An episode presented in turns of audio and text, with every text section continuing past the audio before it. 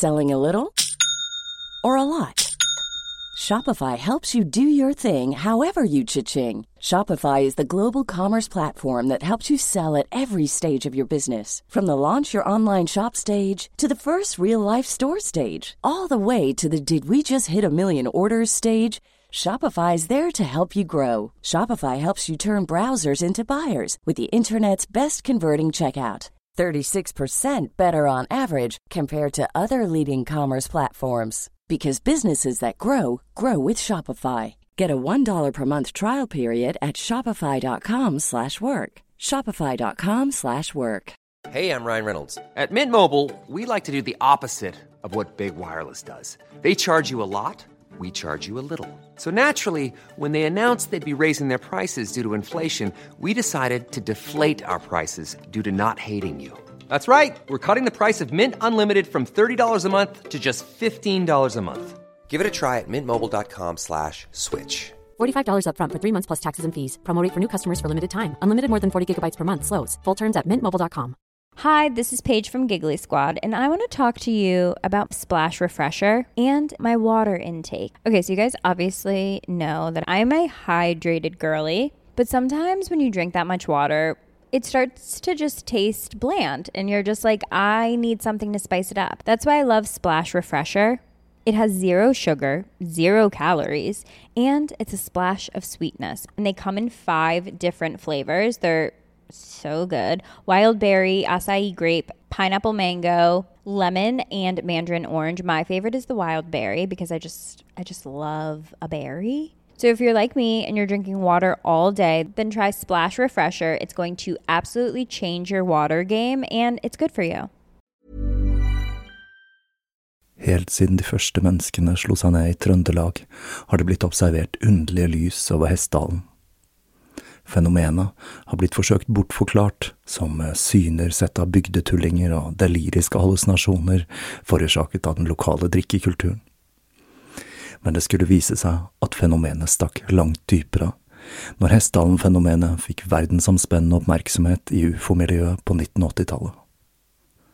Fenomenet er fremdeles der, og det er fremdeles like uforklarlig som den gang. I 2024 kommer en podkastserie i seks deler produsert av Project Hessdalen, som kanskje en gang for alle skal finne svar på hva som rører seg på himmelen i denne bortgjemte dalen i Trøndelag. Serien har som seg hør og bør fått tittelen A Blaze in the Northern Sky, og den kommer til din favorittpodkastavspiller i 2024.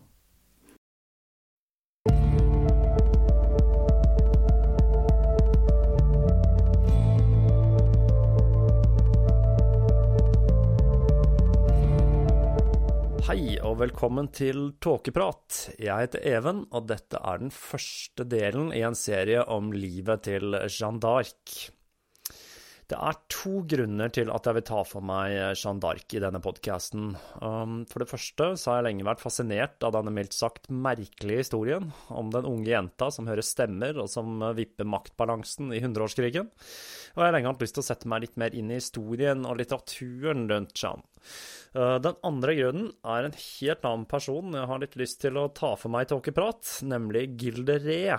Og han spiller en svært sentral rolle i historien om Jeanne d'Arc, og jeg får derfor dekket forhistorien til begge disse personene ved å ta for meg Jeanne. Det er skrevet et utall bøker om eh, Jeanne d'Arc, um, og jeg følte da at det var umulig å komme utenom eh, Mark Twains Personal Recollections of Joan of Arc. Ifølge Mark Twain selv så var dette hans eh, viktigste verk, og det tok han visstnok 14 år å skrive dette ferdig.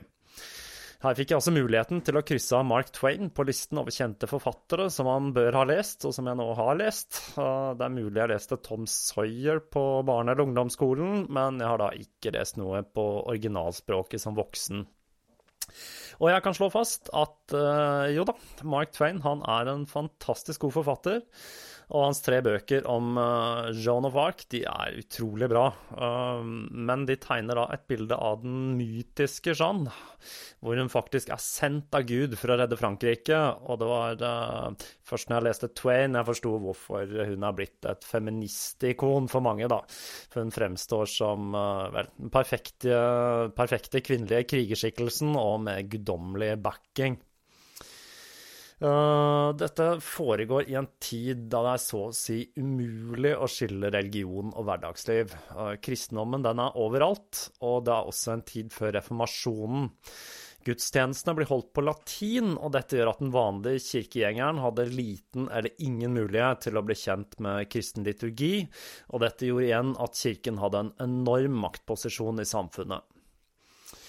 I denne podkasten skal jeg prøve å komme så nære innpå den historiske figuren Jeanne d'Arc som jeg klarer å komme. Historien den er veldig godt dokumentert, men for å forstå hva som egentlig skjedde når denne mystiske figuren dukker opp mot slutten av hundreårskrigen, så er det viktig å forstå hva som formet det politiske landskapet i perioden fram til Jeanne entrer arenaen. Og det er det jeg skal forsøke å formidle på en så kortfattet måte som jeg bare klarer i denne episoden her, og jeg håper jeg har klart å få med de viktigste hendelsene. Fransken min er nok eh, hakket hvassere enn ungarsken, uh, men jeg kommer helt sikkert til å uttale en del steds- og personnavn feil, og siden alt kildematerialet jeg bruker er på engelsk, så har det sikkert sneket seg noen anglifiseringer her og der. Bare sånn som en liten advarsel. Og da begynner jeg å fortelle historien om et skittent og krigsherjet Europa.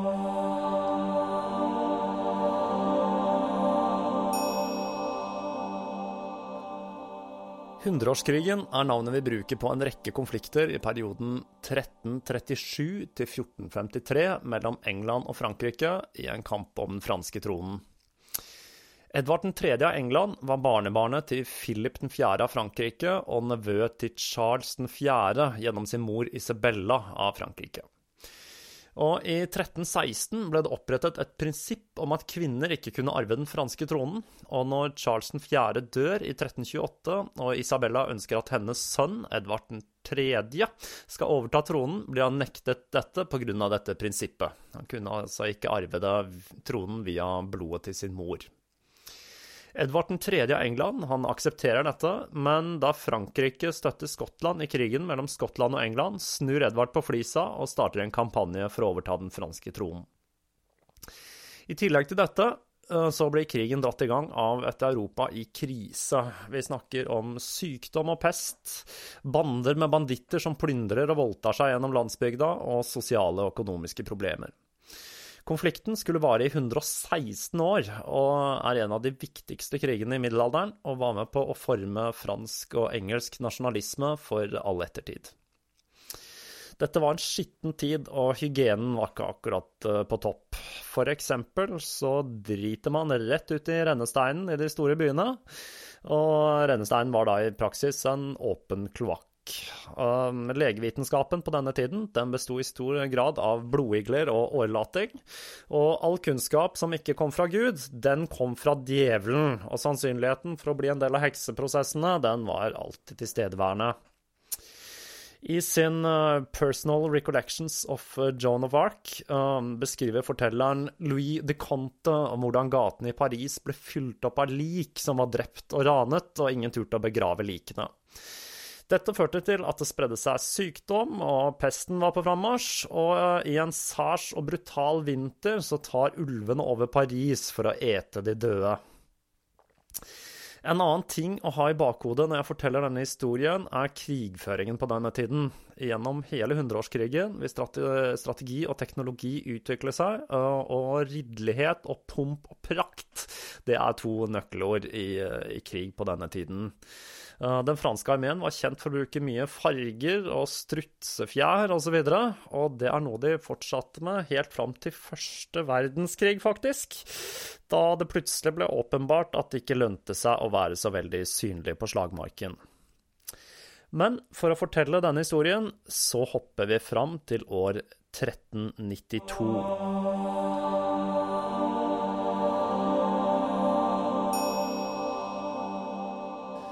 I 1392 blir den franske kongen Charles 6. gal, og en dag i august, når han rir sammen med soldatene sine, eksploderer han i et psykotisk anfall og dreper fem av vaktene sine før de får lagt han i bakken, og han får et krampaktig anfall med spasmer. Resten av livet vil han være plaget av galskap, og selv om han stort sett var rolig, vil det være perioder der han ikke gjenkjente sine nærmeste, og han trodde han var laget av glass og kunne knuses og de epileptiske anfallene ville vedvare livet ut.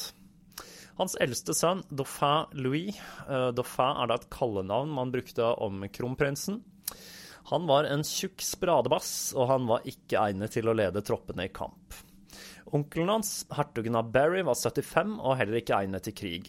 Og heller ikke hans fetter, hertugen av Burgund, som hadde fått tilnavnet John den fryktløse, kunne lede troppene til kongen. Og det var ikke av mangel på stridsdyktighet, men det var politisk. Da hertug Philip av Burgund, som hadde vært kongens høyre hånd, døde, var det naturlig at John skulle overta denne rollen.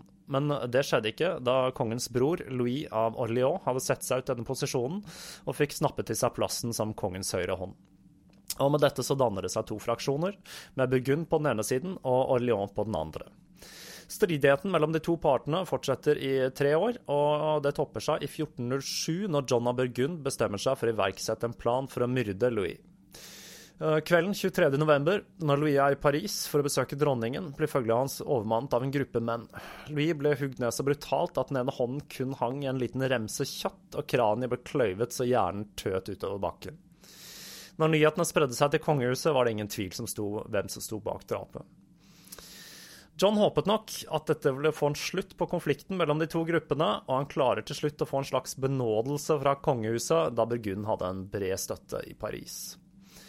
Men i 1410 får den nye hertugen av Orléans militær støtte av hertugene av Berry og greven av Armagnac, eh, hvis navn blir gitt til den antiburgundiske konfederasjonen. Og John var eh, ikke lenger nå så fryktløs. Eh, han bygger et nytt tårn på boligen sin i Paris, hvor han sover omgitt av soldater av frykt for å bli myrdet på samme måte som Louis. De to gruppene, Burgund og Armagnac, kjemper om makten i Frankrike, og hatet mellom de to fraksjonene eskalerer i de neste årene. I 1413 tar Armagnac-fraksjonen over Paris og overtar makten, men kampene de tar ikke slutt. Og med indre uroligheter i Frankrike ser Henry 5. av England sitt snitt til å forsøke å gripe makten i Frankrike. Og sommeren 1415 uh, sender han troppene sine mot Normandie. Det han ikke hadde regnet med, det var at Burgund og Armagnac-fraksjonen de hatet England enda mer enn de hatet hverandre, og begge sender tropper til Normandie. Hertugen av Burgund han velger viselig å ikke reise i egen person til slaget, og kongen og Louis de uh, forblir i hovedstaten i Normandie og administrerer slaget derfra. Men uh, Charles av Orléans og de yngre brødrene til hertugen av Burgund de deltar selv. De franske troppene er i flertall og gjør seg klar til å utføre Guds vilje og bekjempe de engelske angriperne. Solen stiger opp over horisonten og reflekteres i blankpolerte rustninger og hjelmer. Silkebannere blafrer i morgenbrisen, og kampropet til engelskmennene høres.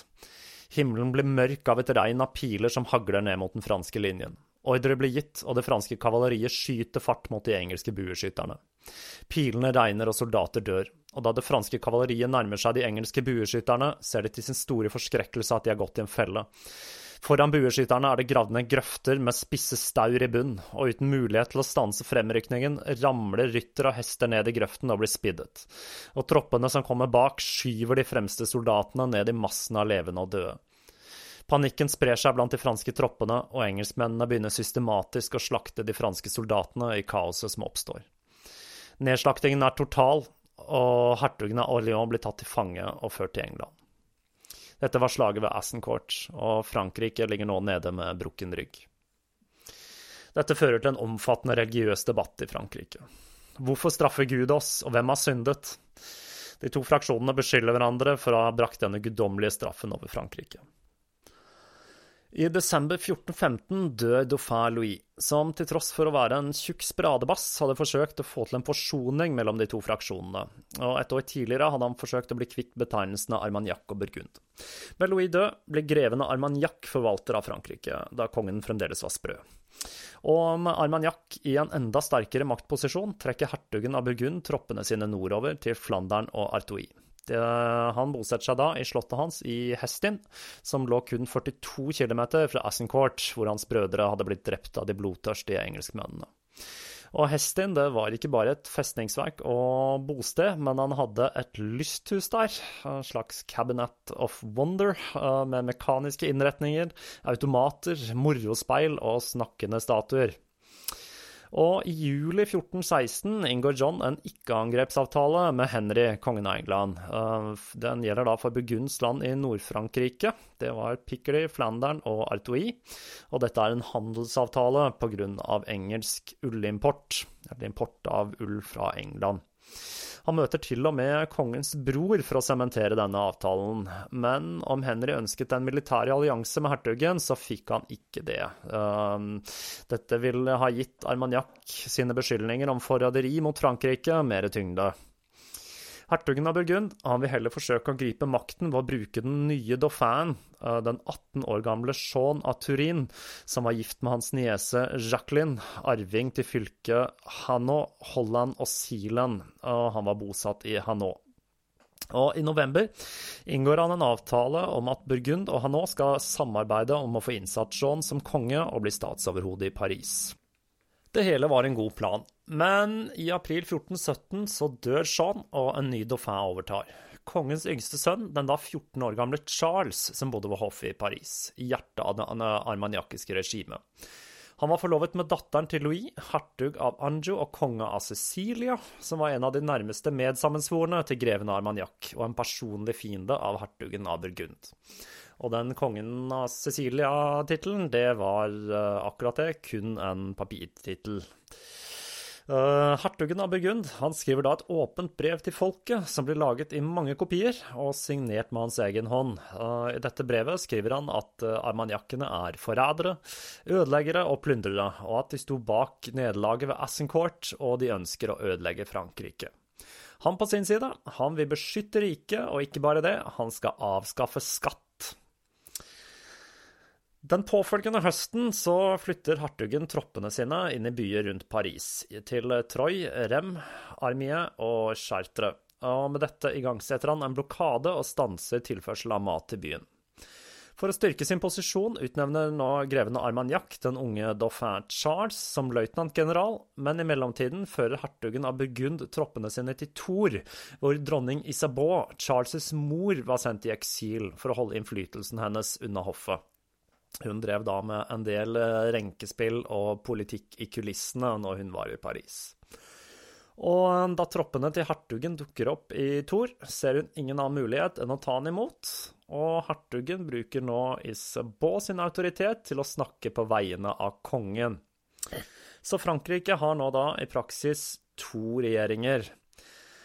Og den 29. mai så invaderer burgundiske tropper Paris og legger hertugen av Armagnac i lenker, mens dauphin Charles han blir smuglet ut av en Armagnac-lojalist, en tidligere tjener av Louis av Orléans, Tanguy de Châtel. Og dette fører til massive opptøyer og kamper mellom de to fraksjonene i Paris. Gatene fylles opp med lik, og rennesteinene renner røde av blod. Og det var så mye blod i rennesteinene at de, blodet koagulerte, og de ble tetta. Og det løsnet seg ikke opp igjen før det kom et voldsomt regnskyll. Kampene de pågår i flere uker, og det ender, seg, ender med at mobben bryter seg inn i fengslene og dreper alle de finner, inkludert grevende Armagnac. Han får da revet av et stykke kjøtt fra skulder til hofte, som en parodi på det hvite båndet tilhengerne av Armagnac-fraksjonen brukte å bære.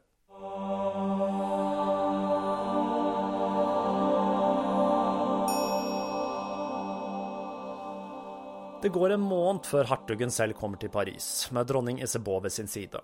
De blir mottatt av en ekstatisk menneskemengde som tar de imot med ellevill jubel og rop av Noel. Men det lå en klam skygge over feiringen. Engelskmennene de var på frammarsj, og de hadde nå kommet til den burgundisk kontrollerte byen Rouen. Dauphin Charles han var i en vanskelig situasjon, med hertugen av Bourbon og hertugen av Orléans i engelsk fangenskap. De var da fanget i Assencourt var det kun hertugen av Lyons nærmeste slektninger som støttet ham militært og politisk, nemlig greven av Verty og halvbroren Jean, kjent som bastarden fra Orléans. Han fikk også støtte av en kvinne som skal spille en svært viktig rolle i denne historien. Det var moren til hans kommende hustru Marie, Jolande av Aragon. Og med hjelp fra henne så etablerer han et nytt hovedsete 160 km fra Paris, i byen Bourges, som nå blir den nye hovedstaten til Armagnac-fraksjonen. I januar 1419, etter en fem måneder lang belæring, tar engelskmennene over Rouen etter å ha sultet byen i kne. Og kun eh, to uker etter har hæren eh, til Henry nådd Mantes, eh, kun 32 km fra Paris. Og når Jean hører om eh, tapet fra Rouen, flykter han og dronningen Paris, eh, fra Paris til Provins. Men når de engelske troppene tar enda en by, denne gangen Pontoui, ser hertugen ingen annen mulighet enn å snakke med sin erkerival dauphin Charles. De avtaler å møtes i Montereux, på en bro som går over elven John.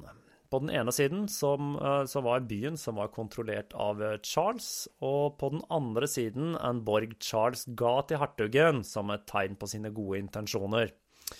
Begge sverger på at de ikke skal volde den andre skade, og skulle kun ha med seg ti mann hver.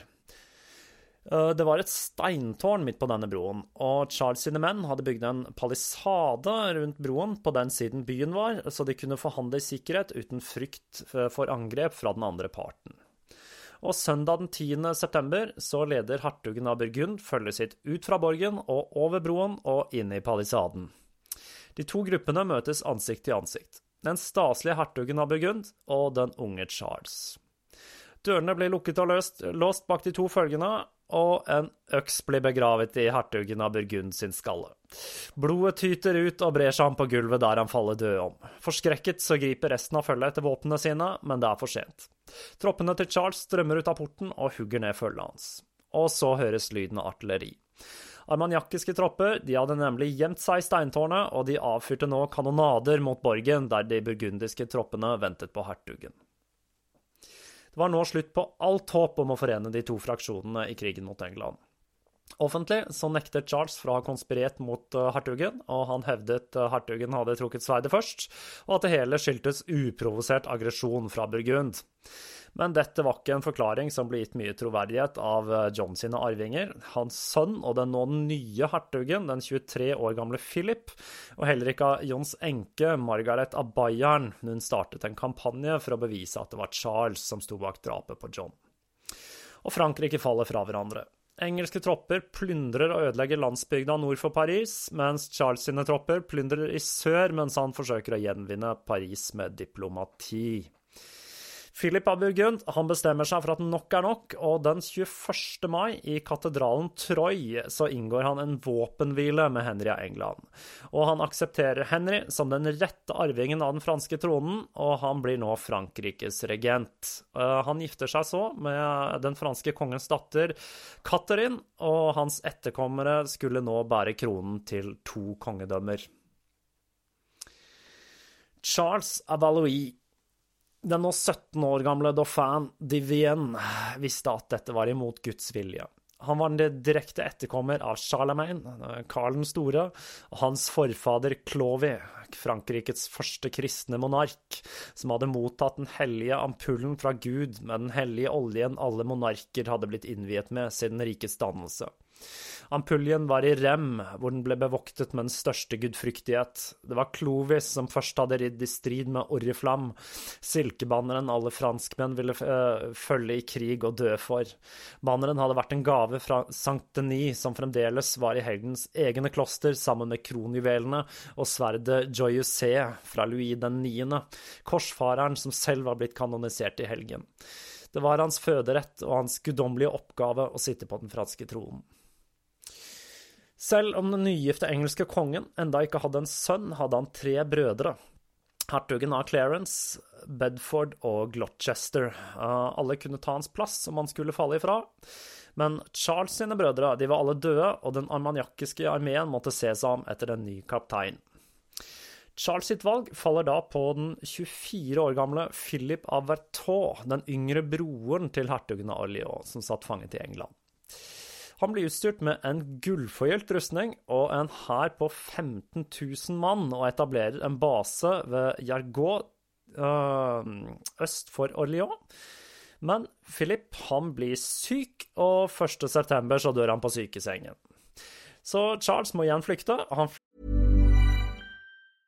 Ryan Reynolds her fra Mint Mobile. With the price of just about everything going inflasjonen, trodde vi at vi skulle bringe prices down. So to help us, we brought in a reverse auctioneer, which is apparently a thing. Mint Mobile unlimited premium wireless. Ready to get 30, 30, bit to get 30, bit to get 20, 20, 20, bit to get 20, 20, bit to get 15, 15, 15, 15 just 15 bucks a month. So, Give it a try at mintmobile.com slash switch. $45 upfront for three months plus taxes and fees. Promo rate for new customers for limited time. Unlimited more than 40 gigabytes per month. Slows. Full terms at mintmobile.com. If you thought the only way to get a more defined jawline with natural looking results was through surgery, think again. Juvederm Volux XC is a non surgical injectable gel filler that improves moderate to severe loss of jawline definition and can help you achieve natural looking results with little downtime. Even better, this improved definition lasts up to one year with optimal treatment. No maintenance required. Improve jawline definition for a smooth, sculpted look with Juvederm Volux XC. For important safety information and to find a licensed specialist, visit juvederm.com. That's J U V E D E R M.com. Not for people with severe allergic reactions, allergies to lidocaine, or the proteins used in Juvederm. Common side effects include injection site redness, swelling, pain, tenderness, firmness, lumps, bumps, bruising, discoloration, or itching. There's a risk of unintentional injection into a blood vessel, which can cause vision abnormalities, blindness, stroke, temporary scabs, or scarring. Talk to a licensed specialist to find out if it's right for you. flykter nå til uh, Mely, hvor han til slutt blir sultet ut og tvunget til å overgi seg. Den 1. desember 1420 marsjerer et følge med Henry av England, Philip av Burgund og den gale kong Charles inn i Paris. Det var en hard vinter og lite mat, men allikevel så kom tusenvis for å se på følget. Dagen etter så kommer dronningene, Henrys kone Catherine, uh, mellom hennes mor, dronning Isabeau, og hennes nye svigersøster, hertugen av Clarence, mens vinen flyter i strie strømmer blant tilskuerne. Den 6. januar blir Charles uh, the Fan altså, tilkalt for å vitne om drapet på John den fryktløse, men han dukker som forventet ikke opp, og blir dømt til eksil og fratatt alle rettigheter til kronen. Henry og Catherine var nå på vei til England for å skaffe mer penger til, for å utslette de siste armaniakiske rebellene. Charles hadde flyktet til Mont Saint-Michel, hvor armaniakiske tropper fremdeles gjorde motstand mot den engelske okkupasjonen. Han hadde en plan. Han forsøkte å få hjelp fra Frankrikes gamle allierte, skottene. Skottene brukte enhver sjanse til å støtte Frankrike i konflikter med England, og når England sendte troppene sine til Frankrike, utnyttet de sjansen til å raide den franske landsbygda. De hadde nå en mulighet til å slåss mot engelskmennene på trygg avstand fra sine egne territorier.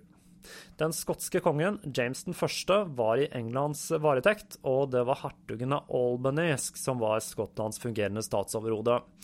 Han hadde sendt 7000 skotske soldater til Frankrike i 1419 under kommando av John Stuart, jarlen av Buchanan, og svigerbroren hans, Archibald Douglas, jarlen av Wigtown. Og som en respons på de skotske troppene sender Henry av England, James den første, kongen av Skottland altså, til Frankrike for å bli med i de engelske troppene, slik at skottene og armaniakkene ble konfrontert med tre konger, ikke bare Henry, men den skotske kongen og den gale Charles, slik at hvis de angrep, så ville det framstå som forræderi og uryddelig. Men skottene de bryr seg fint litt om dette, og i februar 1421 så slutter enda 4000 mann seg til den skotske hæren. Henry var i England, og hans stedfortreder var hans bror Thomas, hertugen av Clarence. Han fører de anglo-burgundiske troppene sørover fra Normandie og til Anjou. Den 22. mars utenfor byen Bors, støter, støter de på de nye skotske troppene ledet av Buchanan og Wigtown. Thomas trosser anbefalingene fra kapteinene sine og leder et stormangrep mot skottene. Dette gjør han før bueskytterne til den engelske hæren hadde kommet seg i posisjon, og det hele ender med at Thomas og hundrevis av soldater i hæren hans blir slaktet av de skotske troppene. De skotske jarlene sender en melding til Charles om at Normandie nå ligger åpent for erobring. Franskmennene hadde vært veldig skeptiske til hjelp fra Skottland, eh, for de så på skottene som barbarer og omtalte de som fulle, sauespisende idioter. Eh, Charles ler da i ekstatisk glede når han mottar nyhetene om engelskmennenes fall ved Bors, og spurte det stumme hoffet om hva de syntes om skottene nå. De hadde ikke noe godt svar eh, til dette. Skottene var nok litt av noen råtasser, tenker jeg, denne tiden. Den skotske og armaniakiske hæren erobrer Normandie og setter kursen mot Paris i begynnelsen av juli. Men mot slutten av juli kommer Henry tilbake med nye tropper, og den fransk-skotske hæren blir rammet av sykdom, og Charles ser seg nødt til å trekke soldatene tilbake til Bourges. Katarine var gravid, og hun var blitt igjen i England. Så Henry bestemmer seg nå for å beleire Må, en tungt bevoktet og strategisk viktig by for armagnakkene. Dette blir en tøff beleiring for engelskmennene, og sult og sykdom rammer troppene. Men Må falle for den engelske beleiringen i mai 1422 etter en særdeles brutal vinter.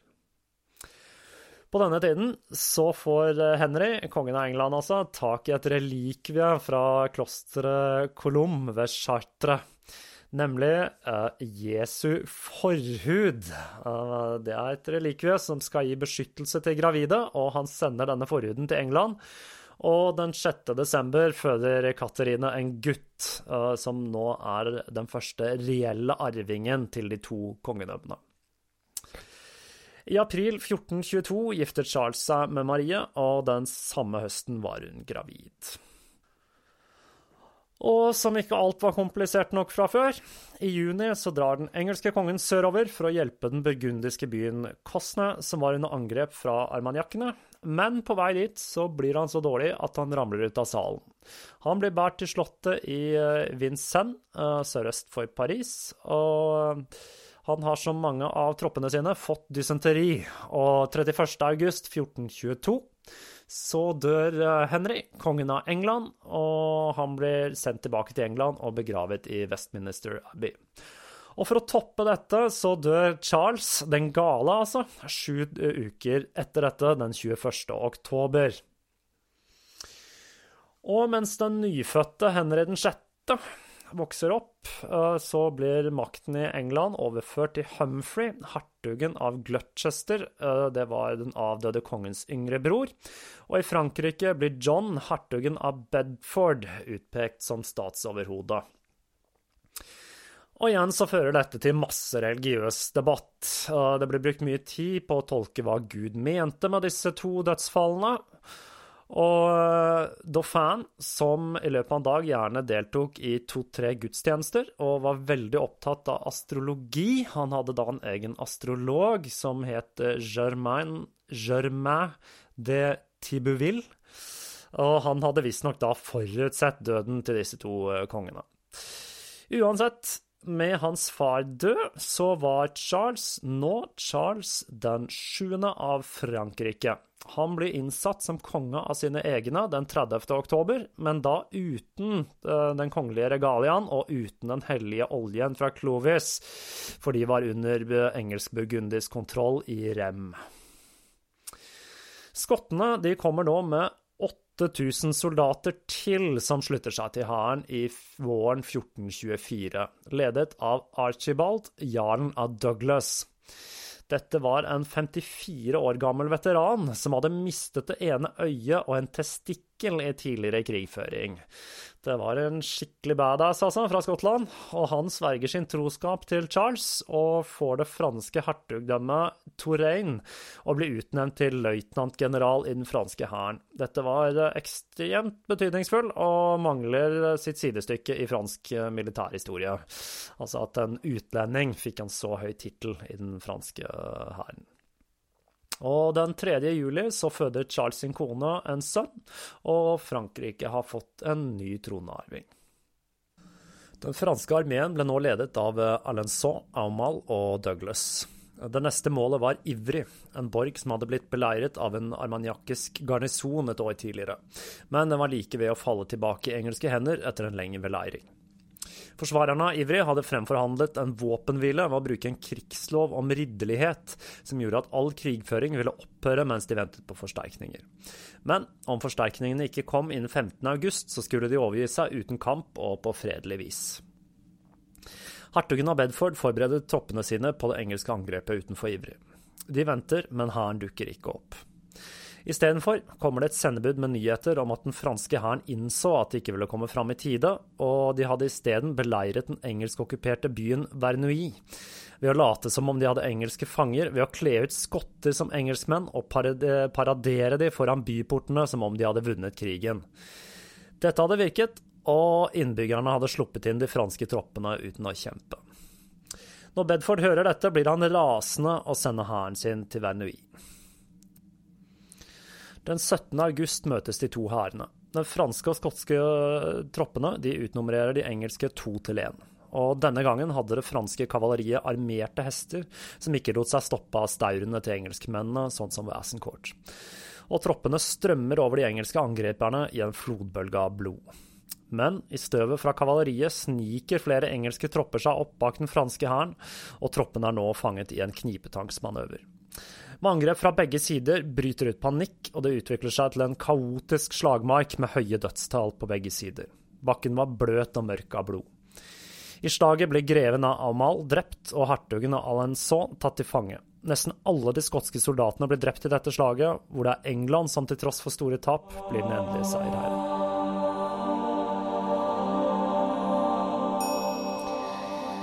Frankrike er nå delt i to. Den nordlige som ble styrt av regenten Bedford fra Rouen, og sør som ble styrt av kong Charles 7. fra Borges, i midten av elven Loire som et naturlig skille. En annen konflikt skulle påvirke denne krigen. I 1424, mens eh, slaget i Vernouilly pågikk, planla Humphrey, hertugen av Gloucester, sin egen invasjon. Han var nå gift med Jacqueline av Hainaut, som tidligere hadde flyktet fra sitt ulykkelige ekteskap med hertugen av Brabant, som da var en burgundisk fraksjon. Men ekteskapet hadde ikke blitt annullert av kirken, um, og ikke blitt godtatt av hertugen av Brabant, som tviholdt på hertuginnens landområder, som da var Hainaut, Holland og Zealand. Og siden paven i Roma ikke ville godkjenne ekteskapet, hadde Humphrey brukt en av de andre pavene. På denne tiden så var det nemlig tre paver i Europa. Bare gjør alt enda mer komplisert. Og i oktober 1424, da går hertugen i land i Frankrike, i Calais, for å ta tilbake disse landområdene. Og det var ikke helt dette Philip av Burgund hadde sett for seg da han hadde startet den anglo-burgundiske alliansen, og eh, den begynner nå å slå sprekker. Burgund og Armagnac begynner diplomatiske forhandlinger for første gang på mange år. Og I september så tegner de en våpenhvile, og armagnacene sverger å beskytte det sørlige Frankrike, slik at Philip får friet troppene sine til å beskytte områdene i nord. Og nå skjer noe litt artig. For eh, Philip han utfordrer Humphrey til en duell, og dette må han akseptere, uh, ifølge lovene som regulerer ridderlighet på denne tiden. Og Philip han begynner å trene til duellen, og han bruker en svimlende sum på rustning. Uh, Gullforgylte rustninger, da, som vanlig. Silkepaviljonger og masse nye bannere til denne store duellen. Og Humphrey på sin side han eh, ber da om å få dra tilbake igjen til England, så han kan forberede seg på samme måte. Han lar da Jacqueline, altså kona hans, være igjen i Hainaut og ta med seg hennes vakreste tjenestepike, en eh, dame ved navn Eleanor Cobham, tilbake til England. Og det blir etter hvert klart at han ikke kommer tilbake igjen. så sånn løste han det. Uh, Philip han tar da Jacqueline i husarrest sommeren 1425. Og hun klarer å rømme like etter dette, og jobber da fra Holland, det var en av disse fylkene hun styrte, uh, for å motsette seg burgundisk herredømme her. Uh, Bedford han forsøker alt han kan for å opprettholde alliansen med hertugen av Burgund, og han fikk god hjelp av sin kone, Philips søster, til dette. Men dette var en allianse gjennom blod som var tosidet. Og det var et annet giftermål i denne alliansen, nemlig mellom Annes søster Margaret og Arthur, greven av Rickmont, broren til hertugene hertugen av Brittany, som skapte problemer i den alliansen mellom England og Burgund. For uh, Richemonts forhold til England, det var komplisert. Uh, han hadde en engelsk tittel, jarlen av Richemont, men han eide ikke noe land der. Og hertugdømmet av Brittany, det var en uavhengig stat. Han hadde vokst opp i Frankrike, og han kjempet på fransk side i Assencourt. Han ble da såret og tatt til fange av Henry 5., sluppet fri da han var 27, mot at han aldri skulle gjøre noe mot interessene til England og Burgund. Han hadde overtalt sin eldre bror uh, på Brittany til å støtte engelsk-burgundisk side, og dette ble sementert med ekteskapet til Philips søster. Og han fikk da hertugdømmet Touraine av Bedford som takk for sin lojalitet. Men til tross for dette her, så rir han inn 1424 for å sverge sin troskap til Charles den 7., som utnevner han som forvalter av kongeriket og militær leder for Armagnac-fraksjonen. Han sverger eden i mars 1425. Og det er flere grunner til at han gjør dette. Ikke minst så var Rikmont en dyktig militær leder, men det vil også gjøre forholdet mellom England og Burgund enda skjørere. Og en annen viktig person påvirker denne avgjørelsen, nemlig Charles' svigermor Jolande av Aragon. Hun hadde jo hjulpet han uh, etter han hadde flyktet fra Paris i 1418 og omgitt han med lojale støttespillere. Uh, hennes mann, hertugen av Anjo, hadde enorme territorier under sin kontroll og en rekke imponerende titler. Det var da blant annet konge av Sicilia og kongen av Jerusalem. Selv om Jerusalem ikke fantes lenger, og Cecilia var kun en papirtittel, så ønsket Eh, han å erobre Cecilia, så han virkelig kunne bli kongen av Cecilia. Og Jolande ble selv kalt dronningen av Cecilia på den tiden. Hun planlegger å innsette sin sønn Louis på den italienske tronen, og gjennom et intrikat renkespill eh, skal hun forsøke å få sin yngste sønn René til å overta områdene Bar og Lorraine. Men alt dette det innebærer at de får sparket de engelske ut av Frankrike. Og det er Jolandes innflytelse og diplomati som til slutt får Richmond over på Charles' side. Charles sier selv at eh, utnevnelsen eh, av Rikmont var basert på gode råd fra hans mest elskede mor, dronning over Jerusalem og Sicilia. Jolande hun uh, gjør også alt hun kan for å overbevise hertugen om Burgund at Charles er den rette arvtakeren til den franske tronen. Men etter hvert så innser også hun at det hele kommer til å kreve mer enn uh, bare diplomati, men uh, guddommelig inngripen. Og årene går, og stridighetene fortsetter i samme duren. Så vi hopper litt fram, og vi går til våren 1428. Da flyttet Charles inn i borgen ved Chinon, som hadde vært uh, i Rikmonds kontroll helt siden han ble utpekt som uh, forvalter. Han tilkaller også Jolande, som uh, skal fungere som hans rådgiver, mens Richmond sin energi den er 100% dedikert til å løse interne stridigheter. For nå er det voldsomt mye konflikter internt i disse eh, to fraksjonene. Og alt ram ramler fra hverandre i øst og vest her. Eller nord og sør, er vel mer riktig, den konflikten der. Og den samme høsten så får de alarmerende nyheter fra Orléans. Teknisk sett så skulle aldri Orléans vært et militært mål. Fordi hertugen av Orléans han var eh, fremdeles i fangenskap, og ifølge krigens regler så kunne man ikke ta landområder til en fange, da disse skulle brukes til å betale løsepenger.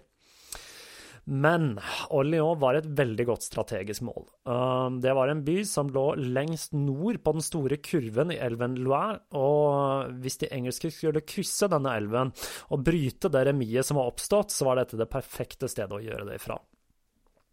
Og det var jarlen av Salisbury som sto bak denne planen.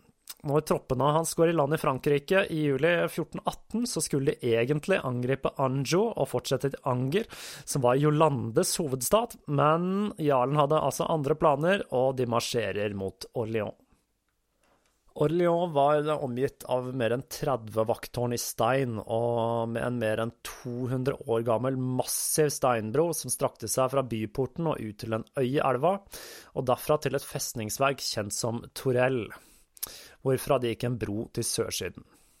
Det var en fenomenal oppgave å beseire Orléans, men jarlen lot seg ikke skremme, og startet angrepet med å isolere forsyningsveiene inn i byen. De ble da forsynet i all hovedsak fra elva. Etter dette så satte han opp en leir utenfor byen. Han hadde da for få tropper til å omringe den, men han bestemte seg for å angripe fra sør. Han mente at broen var nøkkelen til å ta byen.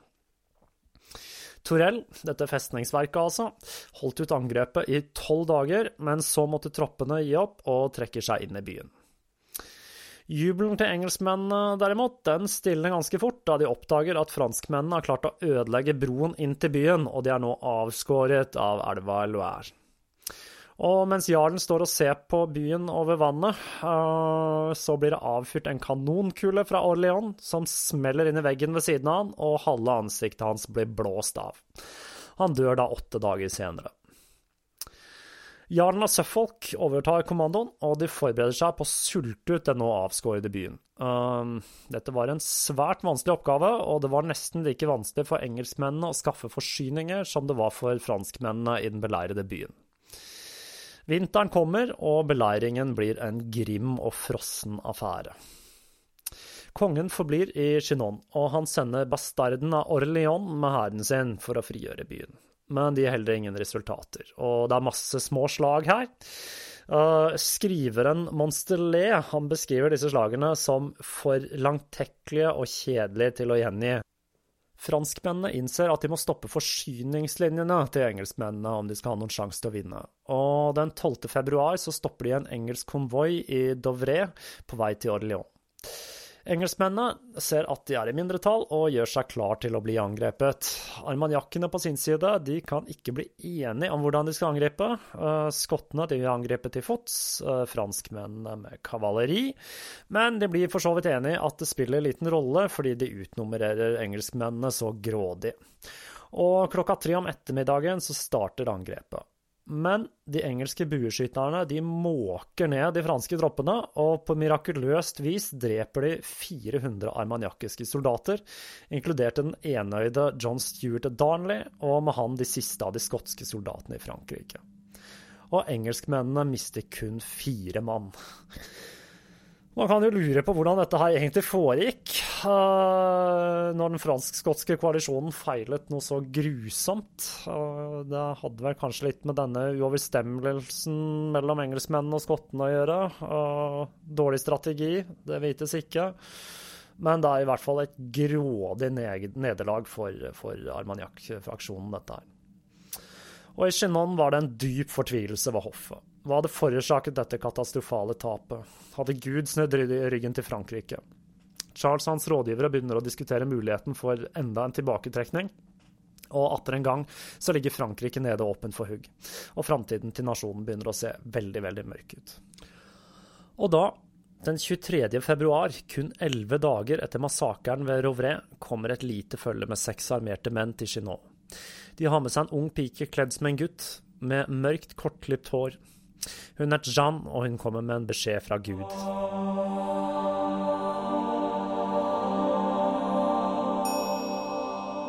Og der forlater vi denne historien for denne gang.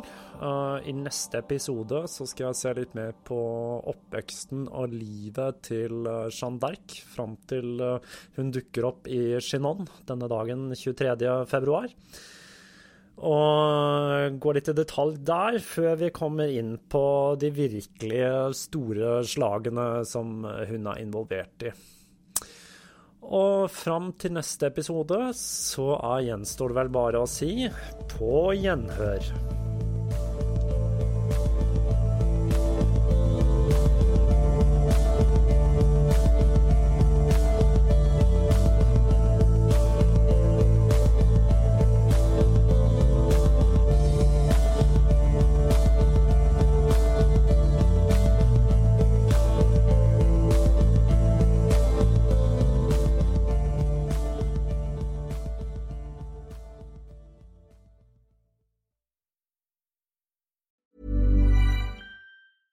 Hello, this is Danny Pellegrino, host of the Everything Iconic podcast, and I'm here to tell you all about Splash Refresher because hydration is mandatory, but boring is not. Now, I love my water, but if I don't spice it up, I'm not going to finish what I took out of the fridge. That's why I love my Splash Refresher, which is flavorful, delicious, bright, hydrating, and zero calories. The wild berry flavor is my fave. No, wait, is the pineapple mango flavor my fave? You know what? All five craveable Splash Refresher flavors are my fave because they're so delicious. So get hydrated and enjoy it with Splash Refresher. ACAST powers the world's best podcasts. Here's a show that we recommend. The Real Housewives is a guilty pleasure for most, but if you're looking to not feel guilty about that pleasure, tune in to Everything Iconic with me, Danny Pellegrino, where I break down all the messy moments and behind the scenes antics of Bravo's popular franchise. And on Everything Iconic, I also interview celebrity guests like Kelly Ripa, Kiki Palmer, Drew Barrymore, Cameron Diaz, and more about their guilty pleasures, their past work, and so much more. So if you're pop culture obsessed and find yourself watching way too much reality TV like me, tune in to Everything Iconic with Danny Pellegrino wherever you listen to podcasts. ACAST helps creators launch, grow, and monetize their podcasts everywhere. ACAST.com.